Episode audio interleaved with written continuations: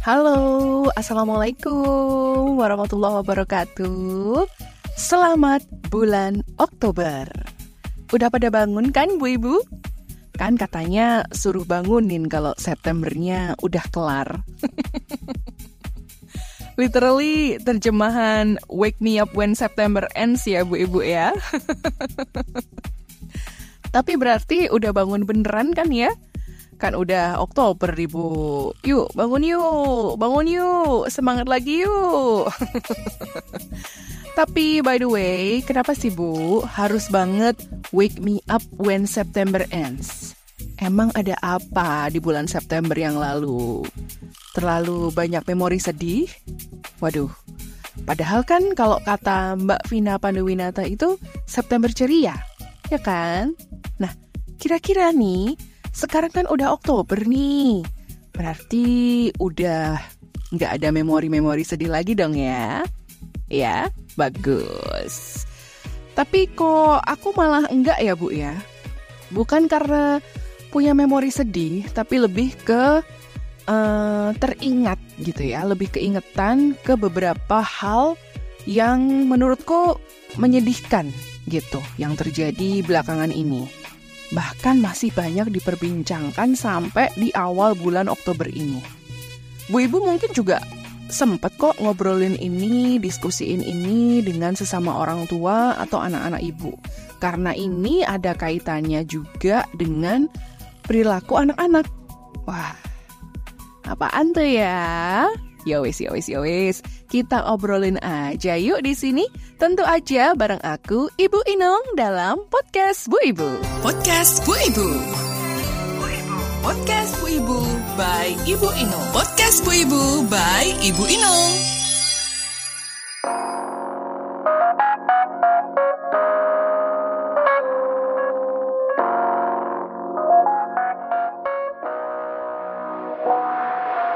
Bu Ibu, belakangan ini ya ramai muncul di berita-berita nasional, di televisi dan media cetak gitu dan tentu saja hampir di semua platform media sosial ramai tentang kasus yang melibatkan anak-anak usia sekolah. Ada seorang anak sekolah ditusuk matanya oleh kakak kelasnya hingga berakibat buta permanen. Uh, ada juga kasus anak SMP yang melakukan bullying dengan memukul, menendang, menyeret sesama murid hingga patah tulang rusuknya. Yang barusan aku sebut ini hanya beberapa contoh yang rame viral di bulan lalu. Tapi aku yakin sih, masih banyak kasus-kasus kayak gini di kota-kota lain. Sedih gak sih Bu dengernya? Sedih ya? Sebagai orang tua kita pasti kaget ya, shock gitu. Sedih, ngerasa miris juga gitu dengar berita seperti ini. Mereka ini tuh anak-anak usia sekolah, ya kan? Tapi kenapa kelakuannya bisa kayak gitu? Apa sih yang mendasari mereka ini bisa berlaku seperti itu? Jujur ya Bu, aku pun takut gitu. Aku pun takut, khawatir banget kalau sampai anak-anakku jadi korban bullying ini gitu. Dan lebih takut lagi kalau jadi pelakunya. Naudzubillah min dalik. Jangan sampai deh ya. Mudah-mudahan anak-anak kita dijauhkan dari sifat dan juga sikap tercela itu ya Bu Ibu ya. Tapi beneran deh, pasti deep down inside itu kita mikir, kok bisa ya mereka ngelakuin itu? Bullying ini makin ke sini bukannya berkurang, kok malah jadi lebih ekstrim gitu ya? Bu Ibu, meskipun sebenarnya kita itu nggak boleh a priori dan juga prejudis terhadap apa yang terjadi terkait kasus bullying yang aku sebut tadi, tapi aku yakin pasti ada rasa marah gitu ya, dan juga rasa sedih terhadap perundungan yang terjadi. Pertanyaan pertama pasti muncul adalah, kenapa? Kok bisa? Siapa pelakunya? Siapa korbannya? Gimana ceritanya? Lalu disusul pertanyaan yang lain. Apa penyebabnya? Mereka punya latar belakang masalah apa sih? Kemudian disusul lagi pertanyaan lain. Terus-terus gimana? korbannya selamat nggak? Atau malah korbannya mati nggak? Terus sekolahnya bilang apa? Orang tuanya gimana tuh? And then ada pertanyaan lain lagi. Itu pelakunya dihukum nggak ya? Ditangkap polisi nggak ya? Bisa dipenjara nggak ya? Bu Ibu, kadang yang namanya bullying atau perundungan itu tuh apalagi yang terjadi pada sesama murid gitu, itu tuh nggak butuh ada masalah pribadi apa di antara mereka. Nggak perlu ada konflik pribadi yang tajam atau yang skalanya gede sampai bawa harkat martabat segala gitu. Terus mereka saling membuli. Enggak, Bu, enggak.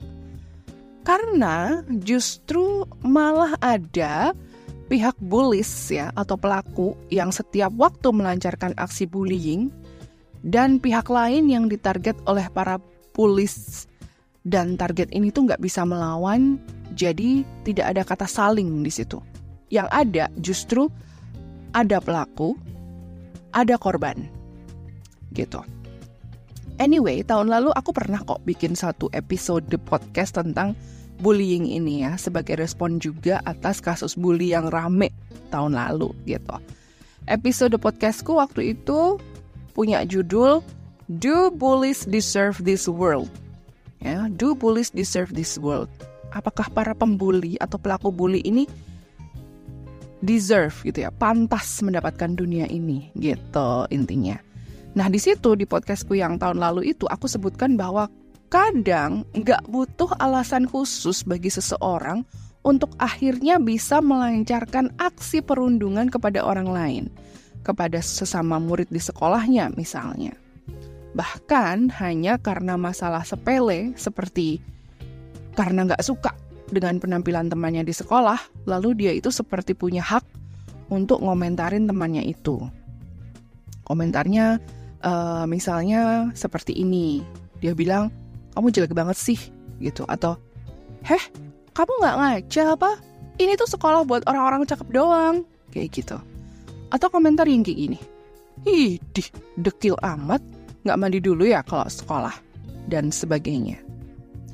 Jadi bu kadang bullying itu dilakukan secara random ke orang lain yang menurut si pelaku ini berhak dapat pelakuan kayak gitu gitu loh jadi nggak harus mereka punya masalah apa dulu gitu. Misalnya punya masalah sama-sama naksir cewek atau cowok yang sama atau misalnya karena persaingan nilai di kelas gitu.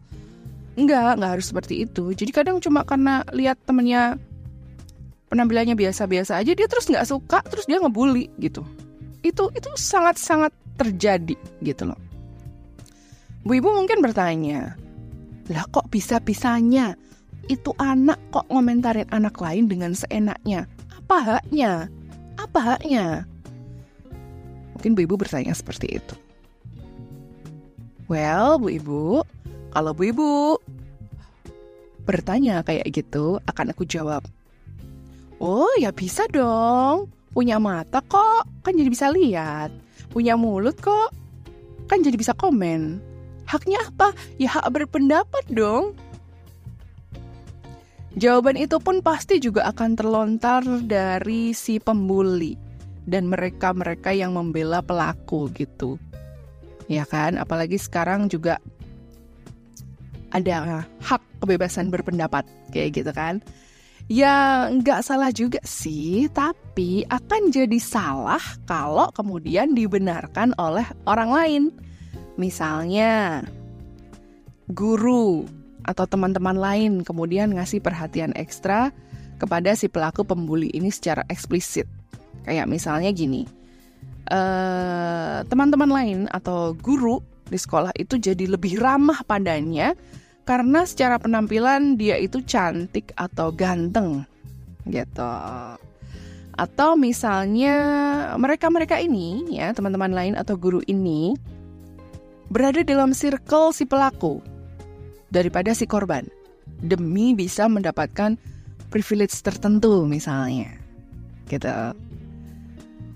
Nah, perilaku-perilaku seperti ini secara nggak langsung apa ya membuat si korban itu akan sendirian ya si korban ini akan merasa tidak ada support system Dan ketika dia merasa tidak punya support system, dia merasa lemah. Kalau si korban ini merasa lemah, tentunya nggak akan bisa lawan si pelaku, gitu. Perlakuan ini tuh mungkin nggak secara terang-terangan ya, diperlihatkan oleh orang-orang di sekeliling pelakunya itu tadi. Tapi kalau diem-diem intens itu kan sama aja ya kayak membenarkan kelakuan si pelaku ini. Contoh gampangnya kayak yang barusan rame juga nih Bu. kalau Bu Ibu perhatiin nih kemarin-kemarin nih ada seorang kepala sekolah dari SMP tempat si pelaku bullying di Cilacap beberapa waktu lalu. Nah, si ibu kepala sekolah ini dinilai malah membuat blunder kasus ini ketika si ibu ini membeberkan prestasi si pelaku di sekolah yang katanya rajin pramuka lah, ikutan ekskul pencak silat lah, terus punya prestasi juga juara di pencak silat dan sederet prestasi lain gitu. Sampai akhirnya dia bilang bahwa aduh saya sendiri juga ngerasa kaget, miris gitu ketika muridnya itu jadi pelaku penganiayaan temannya sendiri gitu. Well, meskipun di kalimat-kalimat berikutnya si ibu tadi itu bilang kaget, miris gitu ya. Tapi kalimat-kalimat yang membeberkan prestasi si pelaku itu malah jadi semacam tameng buat dia gitu ya. Gampangnya tuh gini. Nih anak tuh berprestasi loh, mosok iyo sampai tega gituin temennya. Mbok yo wes jangan dibesar-besarin kasusnya. Dia itu aset sekolah kami, ya kurang lebih tuh gitu. Wah, angel iki, angel, angel iki. Pihak sekolah tuh bukannya merasa ikut bertanggung jawab dengan adanya kasus ini, kok malah kasih statement seperti itu gitu ya. Kan bikin banyak orang, bikin netizen plus 62 ini kan jadi waduh ini gimana sih si ibu ini gitu kan. Ada korban loh ini bu, muridmu juga loh korbannya bu, sampai patah tulang rusuknya. Ya, meskipun sempat beredar juga kabar kalau penganiayaan ini dipicu oleh perkataan korban, tapi andil pelaku untuk melakukan aniaya fisik, memukul, menendang, dan menyeret itu lebih besar. Seolah-olah memang diniatkan untuk membuat jerah si korban gitu. Kan aneh ya kalau tiba-tiba si ibu ini bilang, sebenarnya anaknya itu berprestasi loh di pencak silat. Lah buktinya dia mempraktekkan pencak silatnya itu langsung ke temennya sendiri gitu. Jurusnya sampai bisa bikin patah tulang rusuk, Bu. Ini gimana ini? Masih bisa dibela terus gitu. Nah, ini ya, Bu ya. Sebenarnya kita-kita juga sebagai orang tua harus pandai-pandai ya memilih dan memilah kata-kata saat dihadapkan pada situasi kayak gini. Gitu. Ramainya kasus ini di sosial media juga membuat para orang tua itu berbondong-bondong bikin konten dengan beberapa caption. Seperti misalnya gini nih yang kemarin aku lihat nih ada realnya itu. Uh, kalau temen main mulut udah diemin. Tapi kalau udah main fisik hajar balik. Asal jangan kakak duluan. Urusan dipanggil BK itu urusan mama. mama dilawan ya.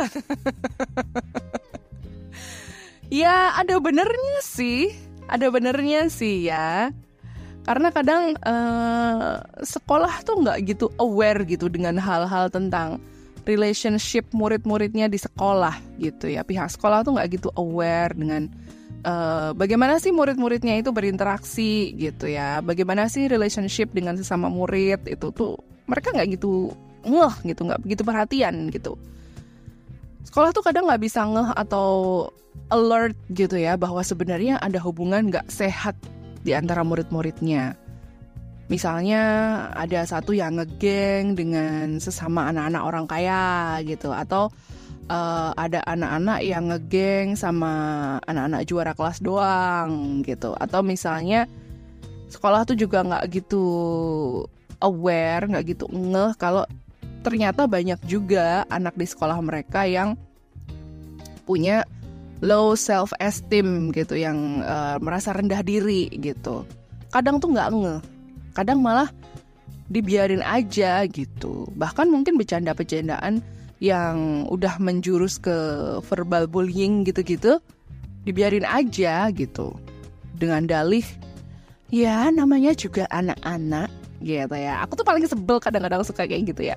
Namanya juga anak-anak ya dilihat dulu anak-anak yang umurnya berapa gitu. Iya elah pak bu tolong ya Anak zaman sekarang tuh ngeri woi Beberapa kata ya yang kita dulu itu sangat anti menyebutkannya dalam sebuah obrolan Itu tuh sekarang malah sering diucapkan loh ya Ya enggak? Memang itu semua juga berkat influence dari terbukanya era media sosial ya, era platform video di mana-mana gitu.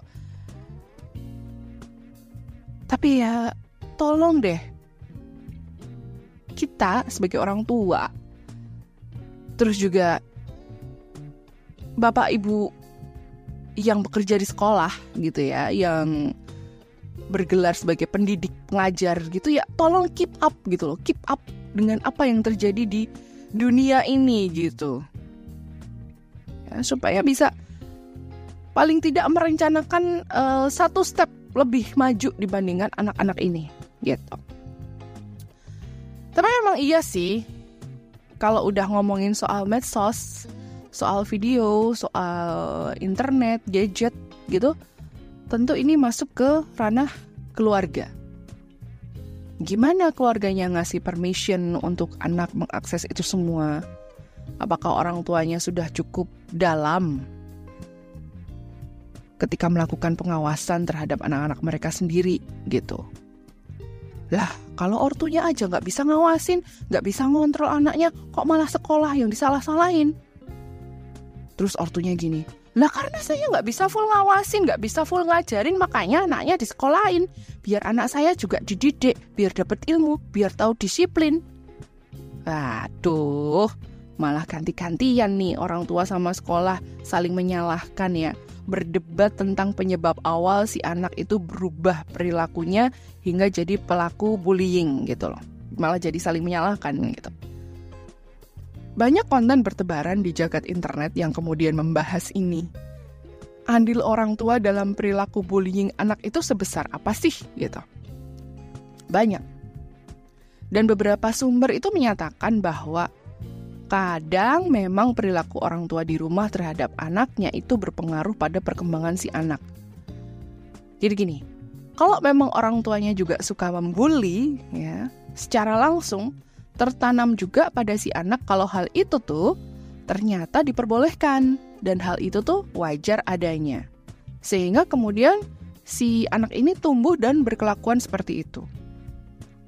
Nah, sebenarnya yang harus dikhawatirkan adalah perilaku itu akan terbawa ketika harus berhubungan dengan orang lain selain uh, penghuni rumah, selain sama keluarga gitu ya. Bahwa di luar tuh banyak orang-orang yang mungkin bisa tidak terima dengan perkataan atau perlakuan itu. Bahwa di luar tuh ada orang-orang yang sakit hati dikomentarin atau diperlakukan kayak gitu. Bisa nggak si anak ini uh, membawa dirinya untuk tidak melakukan perilaku bullying terhadap orang luar? Gitu loh. Itu yang dikhawatirkan.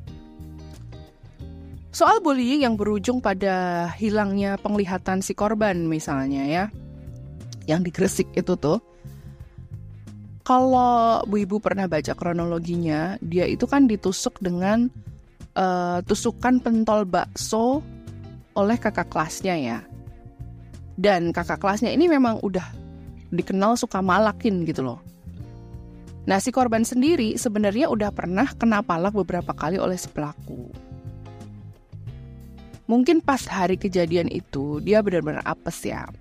Ketika hari kejadian itu karena korban itu nggak mau ngasih duit kepada si kakak kelasnya yang malakin itu, si kakak kelas ini, si pelaku ini langsung melakukan aksi untuk menyakiti korban. Dia itu dengan sengaja menusuk tangan korban tapi meleset mengenai mata korban gitu. Nah, berarti di sini udah ada niat kan ya? Kalau nggak dikasih bakal disakitin gitu. Gitu kira-kira. Nah, bisa jadi ada andil keluarga juga di sini secara nggak langsung bahwa ada perilaku menyakiti orang lain ketika tidak mendapat apa yang dimau. Lalu kemudian terbawa ke dalam sikap sehari-harinya. Bisa jadi juga bukan karena andil siapa pun, tapi lebih ke perilaku imitatif dari apa yang mereka lihat lewat gadget. Ya, perilaku meniru ya. Meniru apa? Meniru yang disajikan lewat gadget, lewat tayangan film, tayangan-tayangan serial gitu ya, game online ataupun hanya sekedar video atau reel gitu yang lewat di beranda medsos gitu. Jadi anak-anak ini tuh kayak mendapat semacam resep membuli orang lain gitu loh, secara instan gitu. Nah kalau kayak gini, mau nyalain siapa? Siapa aja bisa disalahkan sih. Tapi menurutku sekarang bukan waktunya buat nyalah-nyalahin lagi. Sekarang itu waktunya buat bisa uh, ngurang-ngurangin kasus serupa terjadi lagi. Karena yang rugi itu banyak. Yang rugi itu banyak. Kasus pembulian seperti ini. Kalau ada yang bilang bahwa pelaku bullying itu selalu merasa di atas angin, selalu menang, ya karena dia mendapat korban yang gak bisa apa-apa.